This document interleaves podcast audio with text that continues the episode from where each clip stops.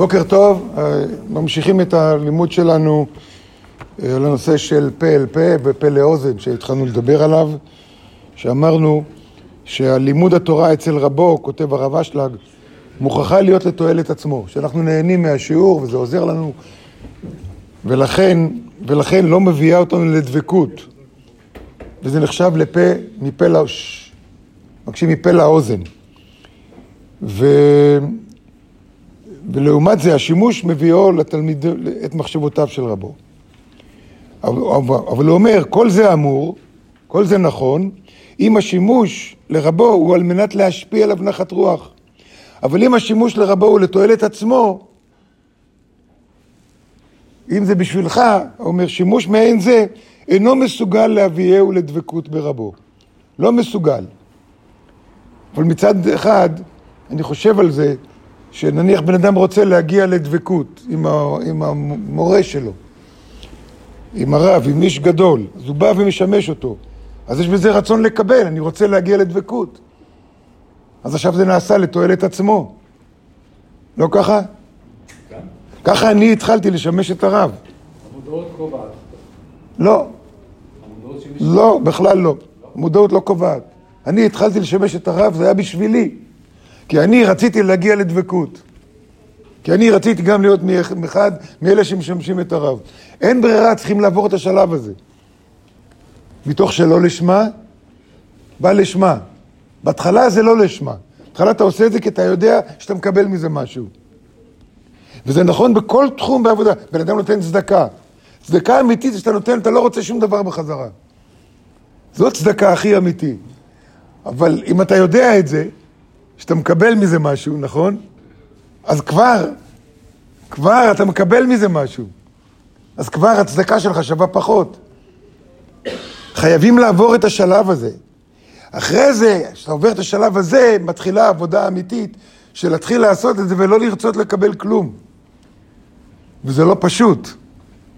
זה לא פשוט, הרב עזר לנו בזה. ורצינו את העזרה שלה. איך הרב עזר לנו? היה יורד עלינו, נכון, גם מה שעשינו בשבילו יותר, היה יורד עלינו יותר. עד כדי כך שהיה אפילו רגעים שאתה מפחד אה, לעשות משהו בשביל הרב, כי אתה תחטוף על הראש. ואתה בכל אופן עושה את זה, נכון? פה כבר זה לא לעצמך, אתה צריך לעבור איזה קושי. אתה חייב לעבור איזה קושי. אז זה דבר אחד, שצריך לעבור את התהליך הזה.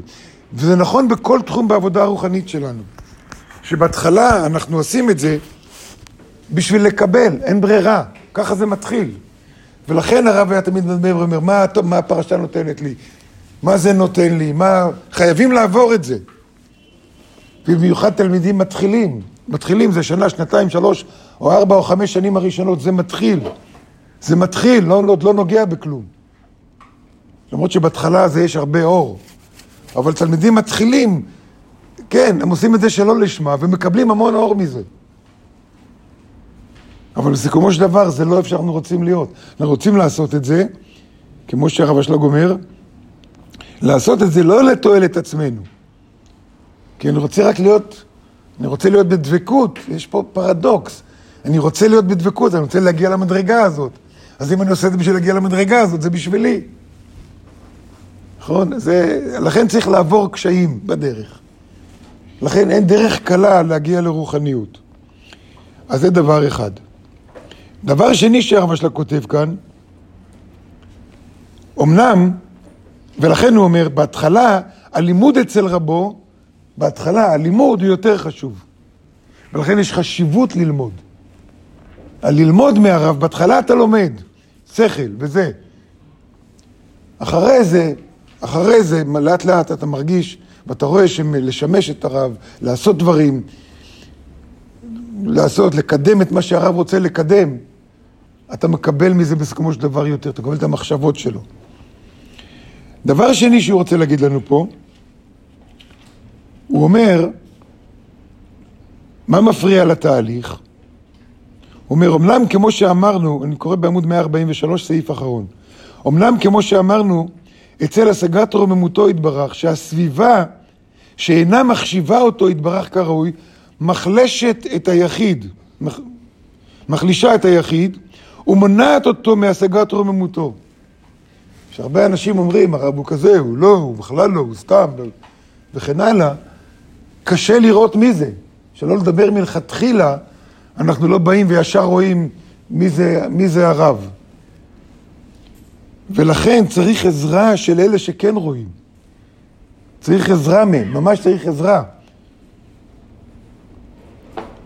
אחרת, אחרת זה קשה.